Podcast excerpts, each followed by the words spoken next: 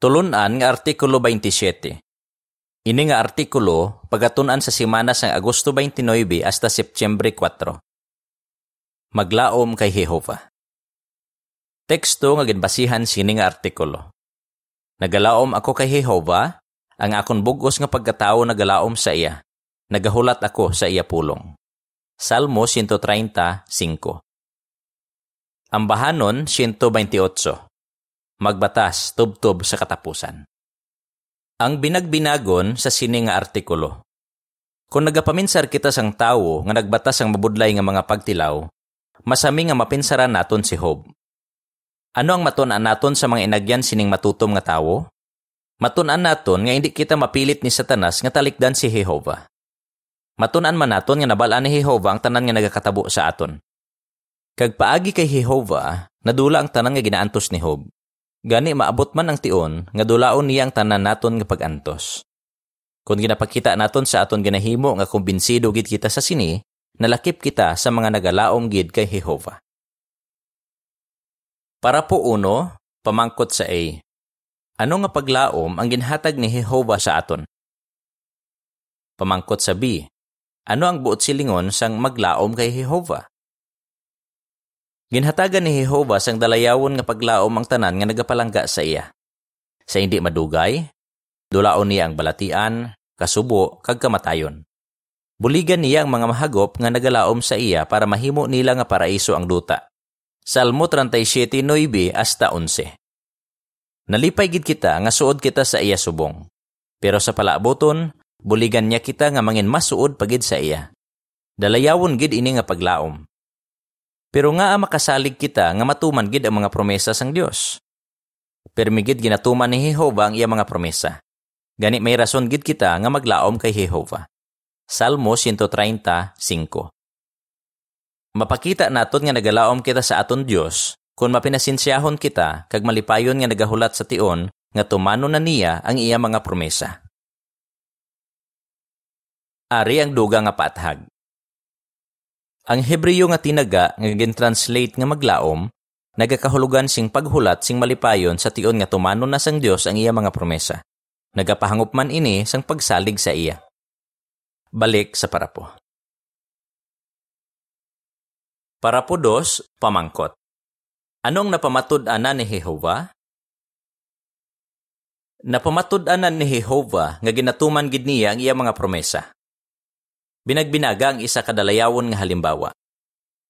Sa libro sang bugna, nagpromisa si Jehova nga sa aton tion subong, tipuno niya ang mga tawo halin sa tanan nga pungsod, tribo, kag lingwahe, para mag-alagad sa iya sing nahiusa. Subong, kilala ining pinasahi nga grupo sa mga tawo bilang dako nga kadamaan. Bugna, 7, 9, kag 10. Bisan pala inlain ang rasa, lingwahe, kaginhalinan sini nga mga lalaki, babayi kag kabataan sa bilog nga kalibutan, nahiusa sila bilang isa ka pamilya kag may paghidait sila. Mapisan man nga nagabantala ining dako nga kadamaan. Permis sila handa nga isugid sa gusto mamati ang parte sa ila ginalauman nga mas maayo nga kalibutan. Kung isa ikaw sa dako nga kadamaan, sigurado nga ginapabaloran mo gid ang ginalauman mo nga maayo nga palaaboton. Para po tres, pamangkot. Ano ang gusto himuon ni Satanas? Gusto sang yawa nga madulaan ka sang paglaom. Gusto niya nga magpati ka nga wala nagaulikid si Jehova sa imo kag wala niya ginatuman ang iya mga promesa.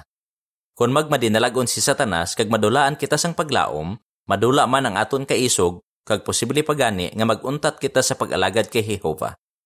Halimbawa, Gintinguhaan sang yawa nga madulaan sang paglaom si Hob kag baguntat sa pag-alagad kay Jehova. Para po 4, pamangkot. Ano ang binagbinago naton sa sining artikulo?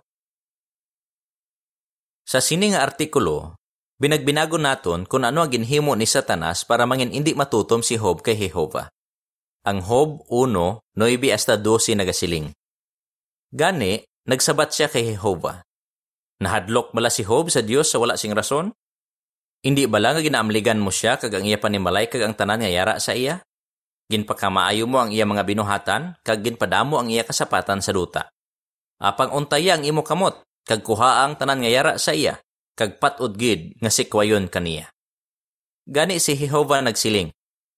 Ginatugyan ko sa imo kamot ang tanan nga yara sa iya, apag indi lang siya paghaliti. Gani naghalin si Satanas sa presensya ni Jehova. Binagbinagon man naton kung ano ang matun-an naton sa halimbawa ni Job, kag kun nga dapat naton dumdumon nga palangga kita sang Dios kag tumanon gid niya ang iya mga promesa. Gintinguhaan ni Satanas nga madulaan sang paglaom si Job. Para po 5 kag 6, pamangkot. Ano ang natabo kay Job sa malipot lang ation? Maayo gid ang kabuhi ni Job. Suod siya kay Jehova. Malipayon ang iya dako nga pamilya kag manggaranon gid siya. Pero sa isa lang kaadlaw, halos nadula kay Job initanan. Una, nadula ang iya manggad. Dayon, napatay ang tanan niya nga pinalangga nga kabataan. Huna-huna ah kung daw ano ini kasakit kay Job. Nagalalain gid ang maginikanan kung mapatay ang isa nila kabata. Gani imagine na ang nabatyaga ni Job kag sang iya asawa sang nabalitaan nila nga napatay ang napulo nila kakabataan. Daw hindi sila makapati. Daw hindi nila inimabaton kag grabe ang ila kasubo. Bangod sini, gingisi ni Job ang iya bayo sa kalisod kag naghapa siya sa duta. Dayon, ginhatagan ni Satanas si Job sang balatian nga grabe kasakit kag makahuluya. Sang una, ginarespeto gid si Job sa mga tawo. Nagapangayo sila anay sa iya sang laygay Subong, ginalikawan na nila siya. Ginsikway siya sang iya mga utod, suod nga makaupdanan, kag bisan sang iya mga sulugoon. Para po 7, pamangkot sa A. Ano ang ginpatihan ni Job nga rason kung nga nagaantos siya, pero ano ang wala niya ginhimo? Pamangkot sa B, ano nga pagtilaw ang posible nga maeksperiensyahan sang isa ka Kristiyano nga pareho sang makita sa picture? Gusto ni Satanas nga magpati si Job nga nagaanto siya kay akig sa iya si Jehova. Halimbawa, gingamit ni Satanas ang mamadlos nga hangin para marumpag ang balay nga ginatipunan sang napulo ka kabataan ni Job sang nagakinaon sila.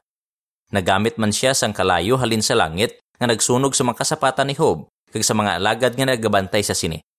Bangod naghalin sa langit ang hangin kag ang kalayo, abi ni Job, naghalin ini kay Jehova nga Dios. Gani nagpati si Job nga basi na paakig niya si Jehova pero wala gin pagkamalaot ni Job ang iya amay sa langit. Nagsiling si Job nga madamo siya sing maayo nga nabaton halin kay Jehova sa malawig nga panahon.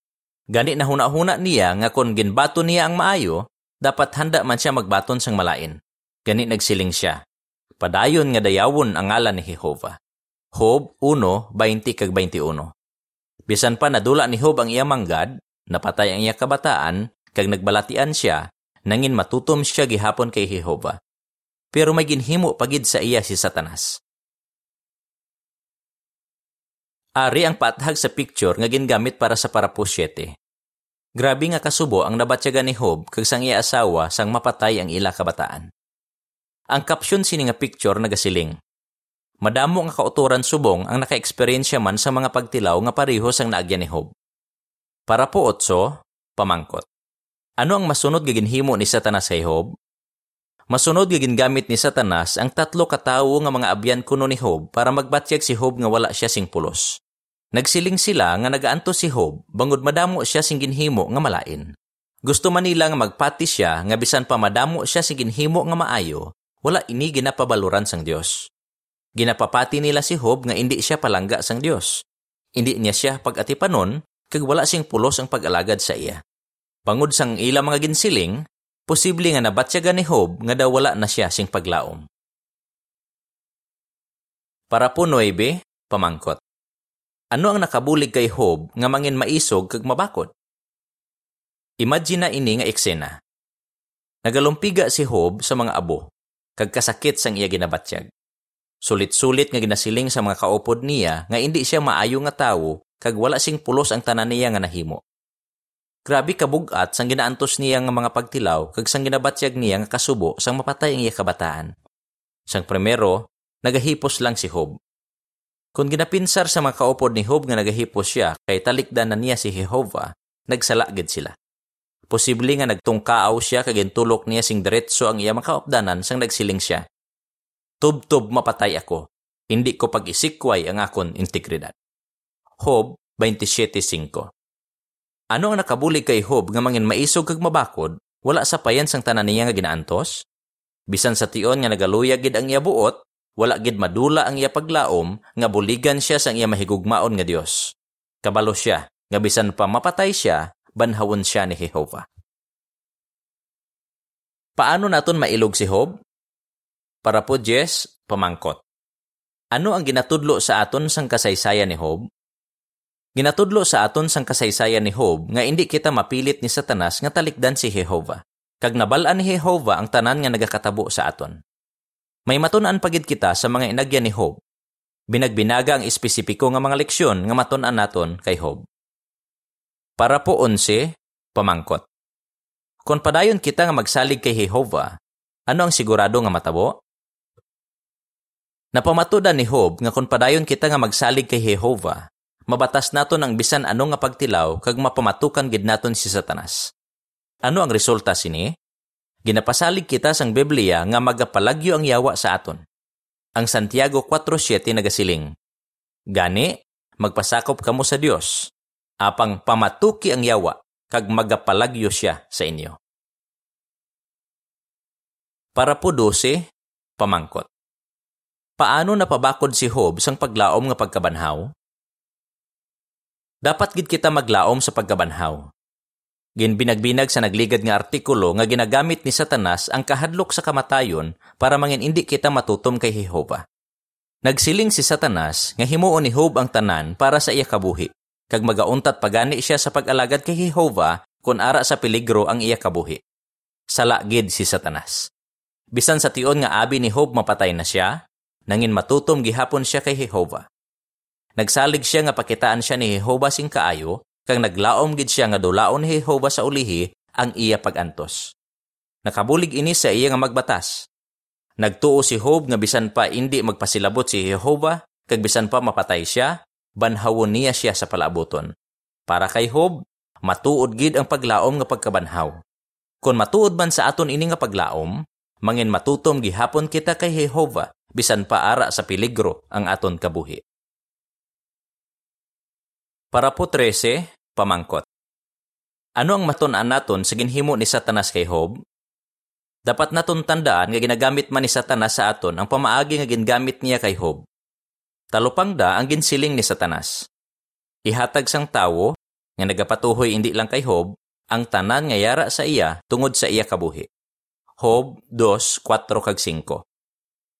Daw ginasiling ni Satanas nga di naton matuod nga palangga si Jehova nga Dios kag talikdan naton siya kung ara sa peligro ang aton kabuhi. Nagsiling man si Satanas nga hindi kita palangga sang Dios, kag baliwala sa iya ang pagpanikasog naton nga malipay siya. Bangod nagalaom kita kay Jehova, kag kabalo na kita sang gusto himuon ni Satanas, hindi na niya kita madaya. Para po 14, pamangkot. Ano ang mabalaan naton parte sa aton kaugalingon kung maka-eksperyensya kita sang pagtilaw? Maghatag sing halimbawa. Dapat naton tamdon ang mga pagtilaw nga kahigayunan para makilala naton ang aton kaugalingon. Paagi sa mga pagtilaw nga naagyan ni Job, nabalaan niya ang iya mga kaluyahon kag naghimo siya sang mga pagbago. Halimbawa, nabalaan niya nga dapat niya panikasugan nga mangin mas mapainubuson. Madamo man kita sang mabalaan parte sa aton kaugalingon kung maka-eksperyensya kita sang pagtilaw. Sangin priso ang isa ka brother nga si Nikolay, may malala siya nga mga balatian. Nagsiling siya. Ang prisuhan daw x-ray. Kay kung mapriso ang isa ka kristyano, makita gid ang iya matuod nga makinaiya. O kun kun ano nga mga kinaiya ang wala sa iya. Kung mabalaan naton kung ano ang aton mga kaluyahon, panikasugan naton nga maghimo sang mga pagbago. Para po 15, pamangkot. Kay sino kita dapat magpamati? Kag nga? Dapat kita magpamati kay Jehova, hindi sa aton mga kaaway. Nagpamati si Job sing maayo sang naghambal sa iya si Jehova. Ginpamangkot sang Dios si Job para mahangpan niya nga nagaulikid siya sa iya. Daw ginasilingan siya sang Dios. Nakita mo ba lang akon gahom sa akon mga gintuga? Nabalaan ko ang tanan nga nagakatabo sa imo. Ginahuna-huna mo ba lang nga hindi ko masarangan ang pagbulig sa imo? Mapainubuson nga nagsabat si Job, kag nagpasalamat gid siya sa kaayo ni Jehova. Sang una nabatian ko lang sa iban ang tuhoy sa imo, siling ni Job. Apang karon, nakita ko na ikaw. Job 42:5. Sang ginsiling ini ni Job, posible nga nagalumpiga pa siya sa mga abo. Puno sang hubag ang iya lawas, kag nagapangasubo siya bangod na patay ang iya kabataan. Pero ginpasalig ni Jehova si Hob nga palangga niya siya, kag nalipay siya sa iya. Para po 16, pamangkot.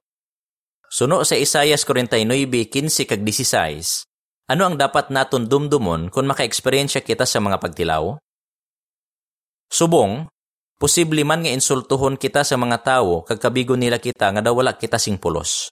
Posible nga pakalaino nila kita ukod ang aton organisasyon kag butang-butangan nila kita sang tanan nga sahi sang kalautan. Mateo 5:11.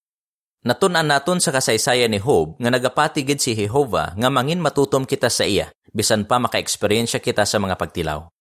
Palangga kita ni Jehova, kay indi gid niya pagpabayan ang mga nagalaom sa iya. Ang Isayas 49:15 kag 16 nagasiling. Malimtan balas ang iloy ang iya nagatiti pangalapsag, kag indi bala siya maluoy sa iya anak? Bisan pa ining mga babayi malipat, indi gid ako malipat sa imo. Tanawa, gintigib ko ang imo ngalan sa akon mga palad. Yara permi sa akon atubangan ang imo mga pader. Hindi gid pagpamatii ang mga pagpakalain sa mga kaaway sang Dios. Naka-eksperyensya sang mabudlay nga mga pagtilaw ang pamilya sang isa ka brother nga si James nga taga Torque. Nagsiling siya. Narealisar namon nga magaluya lang ang amon buot kung pamatian namon ang mga kabutigan nga ginasiling parte sa katawhan sang Dios. Gani nagpokus kami sa amon paglaom parte sa ginharian kag padayon kami nga nag-alagad kay Jehova. Bangod sini, wala na dula ang amon kalipay. Pareho kay Hob, Nagapamati kita kay Jehova. Ang mga kabutigan kay ginasiling sang aton mga kaaway, hindi makadula sang aton paglaom. Buligan ka sang imo paglaom nga magbatas. Para po 17, pamangkot. Ano ang natun-an mo sa halimbawa sang matutom nga mga alagad ni Jehova kaginsambit sa Hebreo Kapitulo 11? Isa lang si Job sa madamo nga alagad ni Jehova nga nangin maisog kag mabakod bisan pa naka-eksperyensya sila sang mabudlay nga mga pagtilaw. Sa sulat ni Apostol Pablo sa mga Hebreo, gintawag niya sila nga tuman kadako nga panganod sang mga saksi. Hebreo 12.1 Naagya nila ang mabudlay nga mga pagtilaw, pero nangin matutom sila kay Jehova sa bilog nila nga kabuhi. Kanugon lang balas ang ila pagbatas kag pagpanikasog? Indi gid Bisan pa wala nila makita nga natuman ang tanan nga promesa sang Dios samtang buhi sila, padayon sila nga naglaom kay Jehova. Kag bangod sigurado sila nga nalipay sa ila si Jehova, nagasalig sila nga makita gid nila nga matuman ini nga mga promesa. Mapaligon kita sang ila halimbawa nga padayon nga maglaom kay Jehova. Ari ang paatahag sa picture nga gingamit para sa parapo 17. Ginbatas ni Job ang tanan nga pagtilaw sa iya Ginapamalandungan niya kag sang iya asawa ang pagpakamaayo ni Jehova sa ila kag sa ila pamilya. Ang caption sini nga picture nagasiling. Bangod nangin matutom si Job, ginpakamaayo siya ni Jehova. Malipayon gid siya kag iya asawa sa ila malawig nga kabuhi. Para po 18, pamangkot. Ano ang dapat mo himuon? Subong, nagalain pagid nga nagalain ang kahimtangan sang kalibutan. Wala nagauntat si Satanas sa pagtilaw sa katawhan sang Dios. Bisan ano pa nga kabudlayan ang maeksperiensyahan naton sa palaabuton, kabay pa nga himuon naton ang aton bugos nga masarangan para kay Jehova. Kay nagasalig kita nga ginpahamtang naton ang aton paglaom sa buhi nga Dios. Unang Timoteo 4:10. Dumdumo naton nga ang pagpakamaayo nga ginhatag sang Dios kay Job nagapamatuod nga si Jehova mapinalanggaon gid kag maluluyon. Santiago 5:11. Kabay pa, nga mangin matutuman kita kay Jehova, kag magsalig nga padian niya ang mga hanuot nga nagapangita sa iya. Ang Hebreo 11.6 nagasiling, Dugang pa, kung wala sing pagtuo, imposible nga mapahamutan ng Diyos. Kaya ang nagapalapit sa Dios dapat magpati nga nagaluntad siya kag nagapadya sa mga hanuot nga nagapangita sa iya. Ano ang imo sabat? Ano ang buot silingon sang maglaom kay Jehova? Paano gintinguhaan ni Satanas nga madulaan sang paglaom si Job? Paano naton mailog si Job? Ang bahanon, 150. Pangitaa ang Diyos para maluwas. Diri natapos ang artikulo.